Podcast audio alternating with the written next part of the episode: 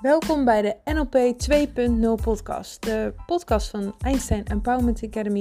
Die gaat over NLP 2.0. En dat betekent dat het vooral over jou gaat.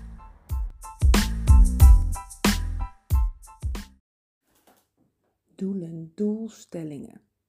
Doelen stellen. Ach man, ik weet niet hoe het met jou is, maar daar heb ik echt al heel veel soorten en maten blogs over gelezen um, vak op school over gevolgd. En eigenlijk raakt heel veel niet de kern van het gevoelsmens of het emotionele mens, wat ik bijvoorbeeld ben, wat jij misschien ook wel bent.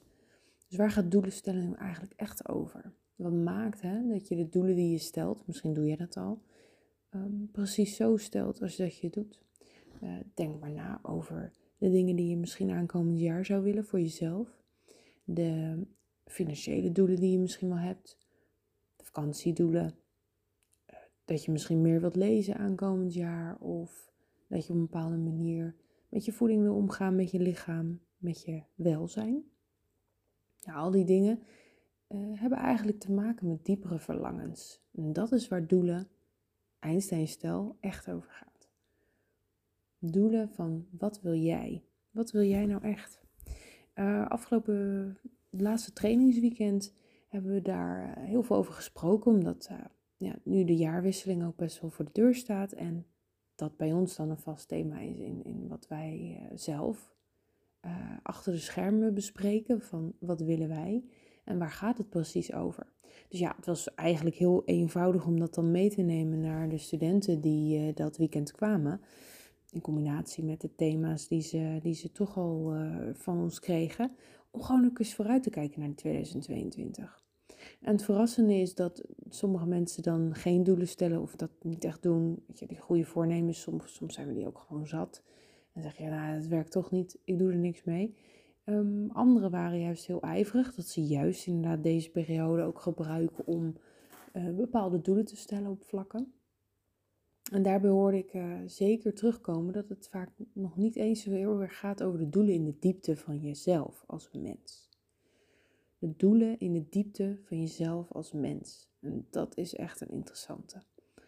Ehm, want hoe kom je er nou achter? Waar kom je nou achter als je bijvoorbeeld bepaalde doelen nu stelt? Stel je hebt financiële doelen. Je zegt ik wil met mijn bedrijf uh, zoveel omzet maken in dat en dat kwartaal. Of ik wil dat en dat product lanceren. Of dat en dat ontwikkelen. Dat en dat persoonlijk misschien wel verstappen maken voor jezelf. Of je weet misschien wat je het volgende wil doen in je werk. Um, denk ook aan financiële zaken in, in wat je wil realiseren, misschien met investeren, um, met nieuwe producten. Daar zitten superveel ideeën natuurlijk achter. En die worden continu geprikkeld, uh, bijvoorbeeld online, uh, met advertenties daarover en, en alles wat je daarmee kan doen. Dat kan je heel erg bezighouden. Maar wat je eigenlijk zou moeten weten, waar je het voor doet. En de vraag die daarbij speelt is, wat wil jij? als jij nou die financiële doelen stelt, hè, die je bijvoorbeeld wil, of als je die volgende stap wil maken in je persoonlijke ontwikkeling, of als jij kijkt naar uh, wat jij voor jezelf aankomend jaar wil bereiken, wat is dan precies wat jij wil? En dan bedoel ik niet, ja, ik wil dit of dit bereiken. Nee, wat zit daarachter? Wat wil jij nou echt? Wat is het dat jij wil? Wat wil jij? het antwoord op die vraag is soms ehm, veel simpeler dan dat we denken. We maken het ook wel eens een beetje moeilijk in het leven dat we heel erg gaan nadenken over al die doelen die we stellen, waardoor we het ook heel druk kunnen krijgen. Ik uh, kan daar zelf ook uh, hard aan meedoen. Mezelf doelen stel over wat ik wil behalen en vervolgens rolt zich natuurlijk een heel stappenplan uit en daarmee een to-do-list en alles wat erbij komt. Maar de vraag is meer, als ik dat doel stel, wat levert dat mij eigenlijk op? Wat levert het mij eigenlijk op als ik dat doel zou halen? Wat maakt dat ik er ook voor aanga of wil bewegen naar dat doel? En dat is natuurlijk wat er dan in essentie onder ligt. Wat wil jij? En die essentie gaat veel meer over bijvoorbeeld kernwaarden. Over dingen die je graag wil realiseren. Bijvoorbeeld een van de voorbeelden in het trainingsweekend was dat iemand het steeds had over de connectie met de dochter. En daarin ehm, die verbeteringen maken die ze wil, haar beter kunnen horen, beter kunnen zien, beter kunnen luisteren. En dat waren de stappen die ze dan ging nemen, de stappen die ze wilde nemen. Nou, dat is nog best wel wat mooie ideeën en plannen. De vraag is natuurlijk, in essentie, wat wil zij? Wat wil zij nou echt? Nou, een beetje doorvragen kom je dan eigenlijk heel mooi uit bij ze wil gewoon verbinding. Ze wil verbinding met haar dochter in eerste instantie. Ze wil verbinding met zichzelf. En dat ze gezien en gehoord wordt voor wie ze is. En haar dochter is dan toevallig de spiegel die dat kon brengen.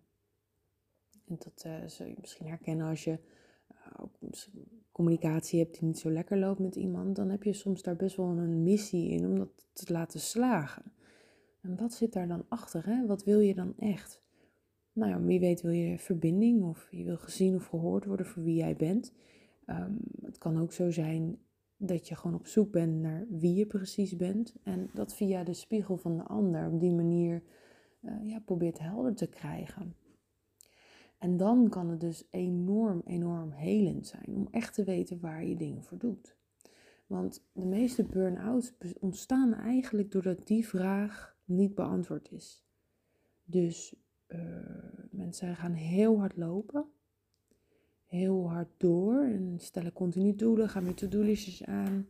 Um, hebben vaak ook een enorme driver om dat uh, achterna te lopen. Maar als de voeding daaronder, dus de aansturing daaronder, niet belangrijk genoeg voor je is, of je weet hem niet goed, je weet niet goed waar je op beweegt, en dan kan het op een gegeven moment opbranden. Want je hebt voeding nodig, je moet weten waar je iets voor doet. Um, en het mooie is als je dan bijvoorbeeld weet dat je het bijvoorbeeld doet voor verbinding, als je dan vervolgens de stappen gaat nemen die je wil nemen. En je komt op een bepaald punt bij een vorm van verbinding, er zijn natuurlijk honderden vormen van, dan kun je hem ook zodanig gaan herkennen. En dat is natuurlijk waar ook heel vaak in ons doelen het stukje ontbreekt. We hebben een bepaald doel en die hebben we heel direct benoemd, heel uh, concreet neergezet. Maar de grap van het leven is dat die concrete doelen heel vaak ook veel in veel abstractere vorm op andere manieren ook bereikt kunnen worden. En dat doen we bijvoorbeeld als we dingetjes relativeren. Nou, zodra je dus eigenlijk meer weet over de innerlijke en onderliggende sturing van je doel, bijvoorbeeld verbinding, of gezien of gehoord worden, of uh, liefde krijgen, of liefde ervaren, liefde voelen, of respect ervaren, dan uh, kun je ook als zodanig dat veel sneller herkennen in de stappen die je hebt, de stappen die je neemt. Herkennen in wat je precies doet en wat het oplevert. Ja, en dan krijg je een mooie ronde cirkel. Want vooraf, als jij een doel stelt, krijg je dus te zien, te horen, te voelen, te erkennen bij jezelf waar je het voor doet. Vervolgens kan je inderdaad die details in. Kan je bepaalde dingen voor jezelf realiseren. En als je dan een stapje hebt afgerond, zie je ook al gelijk waar je staat ten opzichte van je doel. Dan kom je er misschien wel achter dat dat einddoel misschien ook verbinding of liefde kan opleveren. Maar de stappen ertussen ook al heel veel daarin opleveren. Nou, en een bekend gezegde of uitspraak is natuurlijk wel dat de reis die we maken vaak veel belangrijker is dan het doel wat we halen. En dat weet ik maar al te goed uit mijn topsportcarrière. Die ene wedstrijd aan het einde van het jaar, uh, waarbij je bijvoorbeeld Nederlands kampioen kan worden. Natuurlijk is dat Nederlands kampioenschap behalen heel bijzonder. De wedstrijd winnen is heel bijzonder. Maar de tranen komen uit je ogen ook omdat je weet, of ik wist, hoeveel ik ervoor had gedaan. Welke pijn ik had geleden, hoeveel ik bijvoorbeeld alleen was geweest, wat ik ervoor had gelaten en wat me dan vervolgens had gebracht. En dan sta ik heel anders op dat podium dat is gewoon zoveel voedendere bodem dan heel hard werken en uh, daarmee vooruitkomen. Want dan uh, ja, weet je soms niet echt meer waar je het voor doet. En uiteindelijk kan dat heel erg zwaar worden. En als ik dan toch een beetje over mijn eigen achtergronden vertel, ik ben er heel erg goed achter gekomen dat ik in bijvoorbeeld topsport heel veel zocht om gezien en gehoord te worden als mens. En toen ik dat me steeds meer realiseerde, begreep ik ook veel meer van bepaald gedrag van mezelf. bepaalde acties die ik nam, die niet altijd in het voordeel waren van mijn topsport, maar wel in het voordeel van mijn doel om gezien en gehoord te worden. Toen ik dat wist, kon ik ook veel meer gaan schakelen. Ik kon bijvoorbeeld die acties van mijn eigen gedrag uit uh, mijn topsport halen.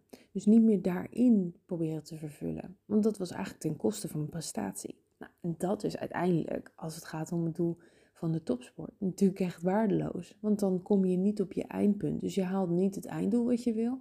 En onderweg heb je eigenlijk niet gerealiseerd waarvoor je al die zijstappen hebt genomen. die zijstappen hebben wel voor andere dingen gezorgd.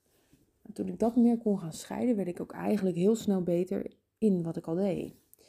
Dus kon ik veel, veel sneller ehm, de stappen nemen om uh, die top 1 positie te halen, Nederlands kampioenschap te behalen. Dat ging ook heel snel. Op het moment dat ik uh, daarin mijn coaching met Adrie oppakte en het op die manier ging bekijken, was ik in minder dan een paar maanden, ja, was het Nederlands kampioenschap ook, maar kon ik het ook realiseren en kon ik dus mezelf overklassen. Dus hoe minder ruis, hoe meer je je doelen kunt halen. Klinkt op zich logisch natuurlijk. Alle afleiding zorgt voor ja, verdeeld, verdeelde aandacht. En we weten allemaal dat we niet kunnen multitasken, maar dat het in principe gewoon het switchen van je aandacht is tussen twee taken. Dus hoe simpeler de taak wordt, hoe effectiever jij kan zijn en hoe gerichter jij kan zijn, hoeveel makkelijker het ook wordt en hoeveel je er dus ook aan kan overhouden. Nou, die is natuurlijk best wel interessant. Dus als je nu kijkt naar deze periode en je luistert mee en naar de podcast die ik voor je heb opgenomen en je denkt na over je doelen, wil ik eens dat je heel goed voor jezelf gaat nagaan waar jouw doelen echt over gaan. Stel dat je dat doel stelt om volgend jaar, ik zeg maar wat, in de eerste drie maanden te stoppen met iets. Of te beginnen met iets. Wat gaat het jou opleveren? Wat maakt dat je bijvoorbeeld wil stoppen? Stel je wil stoppen met roken.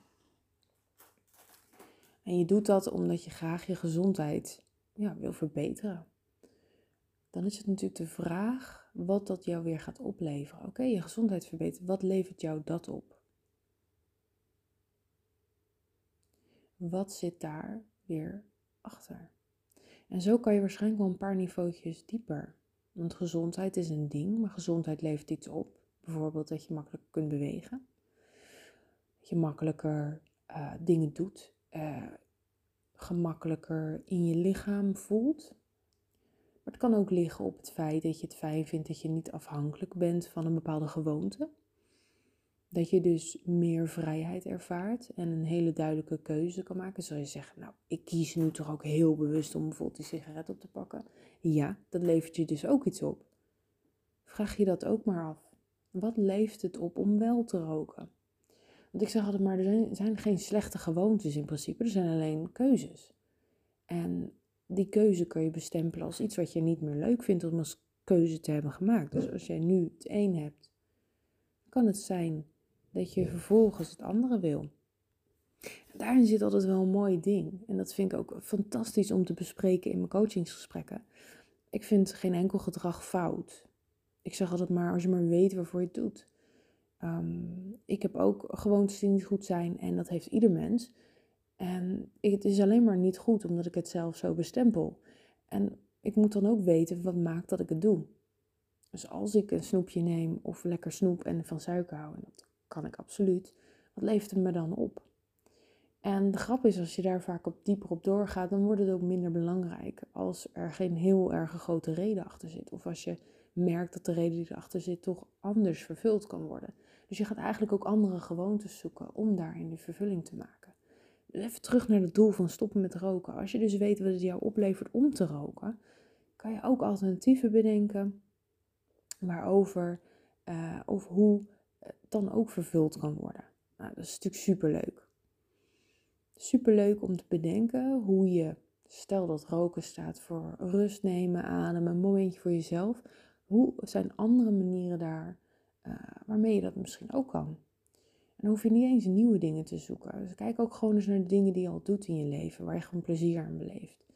Um, ik haal bijvoorbeeld heel veel energie uit de hond uitlaten. Dat is voor mij een prachtige ontstresser. Ik heb dan nog niet de gewoonte om te roken, maar wel de gewoonte om uh, veel te werken en daar ook nodige stress bij te hebben. Ken ik ook absoluut uit opsport. Um, dus stress is iets wat. Stress is ook absoluut iets wat ik dus heel goed ken. Um, ik denk dat het ook een bepaalde drijfveer in mij is met niveaus van uh, stressverhoging en verlaging. Een soort kabbelende stroom in mijn energie. Um, maar daarbij heb ik ook mijn wegen nodig om dat dus te ontladen. Uh, ook om de gewoonte om hoge stress te ervaren, heb ik door de jaren topsport heel erg opgebouwd. En daar ben ik nu dus nog steeds mee aan het dealen, dat ik dat onbewust heel vaak ook opzoek. Ja, en dan is het grappige dat ik kan allerlei dingen doen. Ik kan natuurlijk sporten, dat zoek ik ook soms op. Um, wat ik dan heel goed moet, moet, moet kanaliseren is dat ik niet heel hard wil sporten. Uh, omdat ik dat ook heel erg gewend ben, want heel hard sporten levert ook een bepaalde stress bij me op. Dus ik moet een bepaalde ontspanning in sporten vinden. Nou, dat is ook een leerweg op zich. Dus soms is dat voor mij dan niet de juiste stap om uh, te kunnen ontstressen. Nou, toen kwam er een paar jaar geleden dus onze hond in mijn leven. En ik heb gewoon ontdekt dat als ik hem meer de ja, rol geef, uh, de leiding, uh, en dat gebeurt er, ja, hij moet zo nu en dan gewoon uit en dan ga ik ook uit. En dan zeg ik ook altijd, ja, jij laat me uit, want ik, toevallig neem ik die taak op me, maar het is een fantastische ontsnapping aan mijn eigen red race in mezelf en mijn stressverhoging die ik onbewust dan weer aanzet. Want als ik dan even buiten loop, dat eh, kennen we allemaal wel, denk ik, eh, dat daar heel veel zit dat je even loslaat. Je zit even niet in die taken, je zit even niet in je to-do-listjes. Je loopt gewoon buiten, je loopt vaak te mijmeren, ik wel. Ik denk dan vaak na over wat er allemaal speelt. En, en het leuke is dat je dan vaak weer overzicht of inzicht krijgt op een hele andere manier dan wanneer je strak voor je bureau zit. Ja, en dat is wat de hond dus mij geeft. Hij uh, neemt me mee vanuit een bepaalde plicht. Uh, op de dagen dat hij er niet is, merk ik ook dat ik dat dus ook niet zo snel dan ook doe, naar buiten ga. Ik probeer dat nu dus wel te doen, omdat ik dus merk dat dat enorm verschil maakt.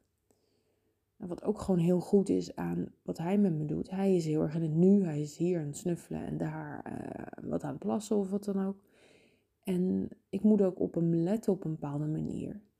Um, ja, waar hij naartoe gaat, wat hij gaat doen. Als ik hem bij me wil hebben, moet ik hem misschien even roepen. En dat houdt me ook heel erg in het nu. Dus dat maakt ook dat ik in mijn gedachten en in mijn hoofd ook even ja, naar het nu kom. Ja, en dat heb ik ontdekt. Dat zijn fantastische ontstressers. Dus dat is een fantastische tegenhanger, waardoor ik het opzoeken van stress eventueel gewoon kan gebruiken. Dat is ook een deel van, van mijn, mijn manier van leven. Hè? Een bepaalde kabbelende stroom. Eh, motivatie zit daaraan gekoppeld. En tegelijk is er dan zo'n tegenhanger die het tegenovergestelde doet. Want ik heb wel ontdekt dat ik ook heel goed heel erg kan ontspannen. Is misschien ook wel een soort logica. Als je één uiterste kan je misschien ook wel het andere uiterste. Maar ik moet het wel heel goed opzoeken. Nou, als ik zo helemaal heb verteld over, over dit stuk met hoe ik met stress omga, ga gewoon ook eens terug naar bijvoorbeeld het voorbeeld van stoppen met roken. Als je dus weet wat het roken doet, wat het oplevert om naar buiten te gaan bijvoorbeeld, of juist lekker op je eigen bank te zitten, het sigaretje op te steken, of op je werk die bepaalde momenten te hebben, hè, dat levert gewoon iets op. Je haalt daar iets uit. Uh, ik heb zelfs wel eens een gesprek met iemand gehad die vertelde, ja, het, het roken uh, zorgt ervoor dat ik in een rookruimte ben, waar ik toevallig ook wel eens cliënten tegenkom en heel andere gesprekken ga voeren. Dus ik zie gewoon dat ik beter in mijn werk kan zijn door daar te zijn en dat gesprek aan te gaan. Nou, als je dan natuurlijk wil stoppen ermee, dan loop je daar wel tegenaan. Dat iets wat uh, heel goed voor je werkt, um, ja, een andere vorm zou moeten krijgen. Maar de vraag is natuurlijk, wat gebeurt er echt? Wat gebeurt er dat je dat diegene in die rookruimte gaat zitten en vervolgens uh, met die cliënt een hele andere verhouding aangaat. Hoe zou je dat kunnen terugbrengen in je werk? Hoe zou je dat kunnen terugbrengen in de sessies die je bijvoorbeeld doet? Ik zou het kunnen relateren aan mijn eigen coaching sessies die ik doe. Kan ik bepaalde ontspanning, eh, maar ook uh, spanning of motivatie terugbrengen? Daar zitten gewoon heel veel interessante vragen. Dus dat is ook mijn vraag aan jou: van joh, kijk eens deze periode. Ik noem dit altijd uh, de tussenperiode tussen kerst en oud en nieuw. En dat is een mooi woord, zou je dat een interbellum kunnen noemen. En uh, zo'n interbellum geeft een bepaalde ruimte. Misschien heb je wel vrijgenomen of juist besloten om even te werken. Maar laat het ook eens door je gedachten gaan. Je hebt inmiddels ook 20 minuutjes naar mij geluisterd en dat uh, geeft ook al een bepaalde gedachte. Laat gewoon eens door je gedachten gaan waar je doelen over gaan. Wat zou je willen realiseren aankomend jaar? Maar wat levert het ook vooral op? Waar gaat het in de diepte voor jou echt over? Kun je daarop doortrekken, ja, doorprikken? En uh, nou, ik heb natuurlijk nu in wat we bespreken ook bepaalde technieken gebruikt. En uh, waarover we in uh, de NLP Practitioner bijvoorbeeld leren in het vierde blok wat ik heb. of in het derde blok. Het ligt een beetje aan welke, welke stroming je volgt. Um, daar gaan we ook aan de slag met zo'n techniek om dat te kunnen specificeren wat je wil anderzijds ook te kunnen, ja, abstracter te kunnen maken waar je het precies voor doet. En als je eenmaal weet waar die details of abstracte dingen in zitten, dat je ook begrijpt hoe je alternatieven kan zoeken daarvoor. En dat geeft superveel opties. Ik las toevallig een artikel vandaag van, uh, van een coach die ook zoekt naar oplossingen met mensen en aangeeft van ja, waar uh, degene zelf misschien met één oplossing komt, kan ik na een paar coachingsgesprekken met wel 24 opties komen. Ik geloof dat dat in jouw doelen en jouw uh, dingen die je wil stellen ook zo werkt. Je, soms denken we dat er maar één keuze is, maar er is altijd een andere keuze. En sterker nog, als je over die keuzes gaat nadenken, dan uh, komen daar heel veel opties uit. Zeker als je gaat werken met ja, een bepaalde hiërarchie daarin. Zoals je de diepte in kan in de concreetheid of juist de hoogte in kan in de abstractheid. Um, en je kan daarin dieper en dieper nazoeken. Ja, dan krijg je dus te maken met de alternatieven die je daar ook kan vinden. Dat is natuurlijk wel gaaf. Dus je beseft dat voor elk doel wat je stelt, je misschien nog wel heel veel alternatieven ook hebt om dezelfde dingen die je dan onbewust wilt te realiseren. Dat betekent dat je aankomend jaar veel succesvoller kan worden dan dat je misschien nu bedenkt.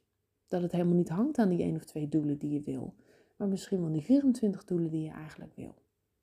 Omdat dat allemaal de ja, voltooiing gaat geven, een reis gaat geven naar iets wat jij onbewust al heel lang wil.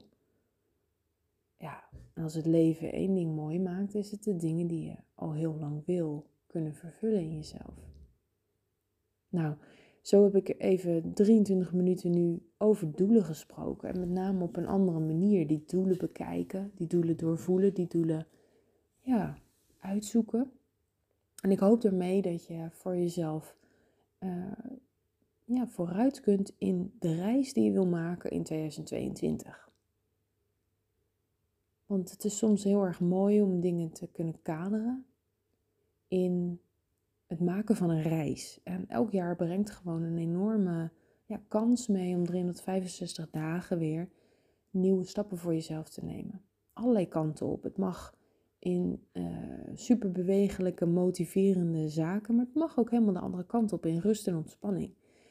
en hoe diep wil je gaan daarin? Hè? Hoe diep wil je je doelen gaan doorvoelen en doorleven aankomend jaar?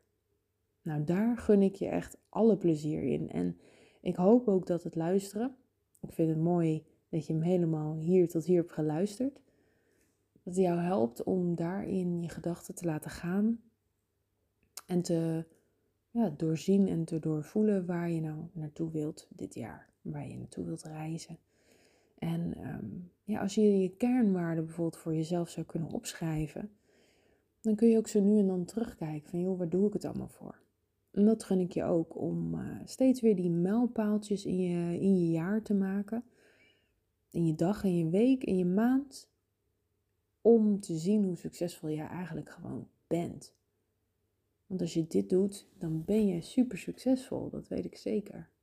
Je bent het heel erg ook op je eigen manier. En als ik één ding belangrijk vind, en dat uh, als je meer weet van wie wij zijn als Einstein Academy, dan komt dat bekend voor, want het gaat bij ons heel erg over jou. Over wat jij wil en hoe jij het wil, op jouw manier. Niet hoe ik het wil, niet hoe je buurvrouw of buurman het wil, niet hoe je familie het misschien bedenkt of hoe je het hebt aangeleerd. Nee, wat is nou echt wat jij wil? Nou, het is een onwijs gave vraag en ik kan daar ook onwijs veel kanten mee op. Ehm, wat dat betreft is niet mij, Johanna of Adrie te gek, want we weten gewoon dat je daarin uh, zoveel mooie dingen kan ontdekken. Dus ehm, mocht je na het luisteren zoiets hebben van, ik heb hier gewoon nog wat meer handvatten voor nodig, voel ook vrij om dan contact op te nemen. En eh, om te zien wat ik voor je kan betekenen. Want dat is ook het leukste aan, aan mijn vak.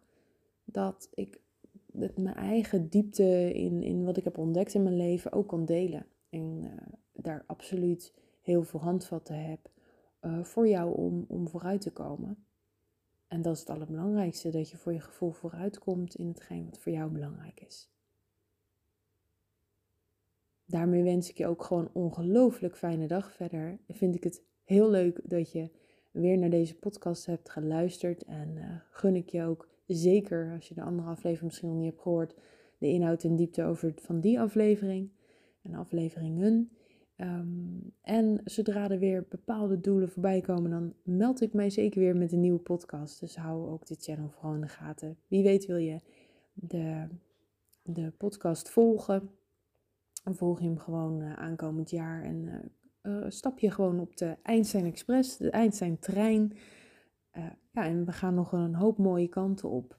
En dat zal ik je ook zeker vaker delen. Dus um, heel leuk als ik wat, wat van je hoor. En anders tot de volgende keer sowieso in het luisteren. En voor nu een hele, hele fijne dag. En ga voor die doelen, hè. Ze zijn van jou.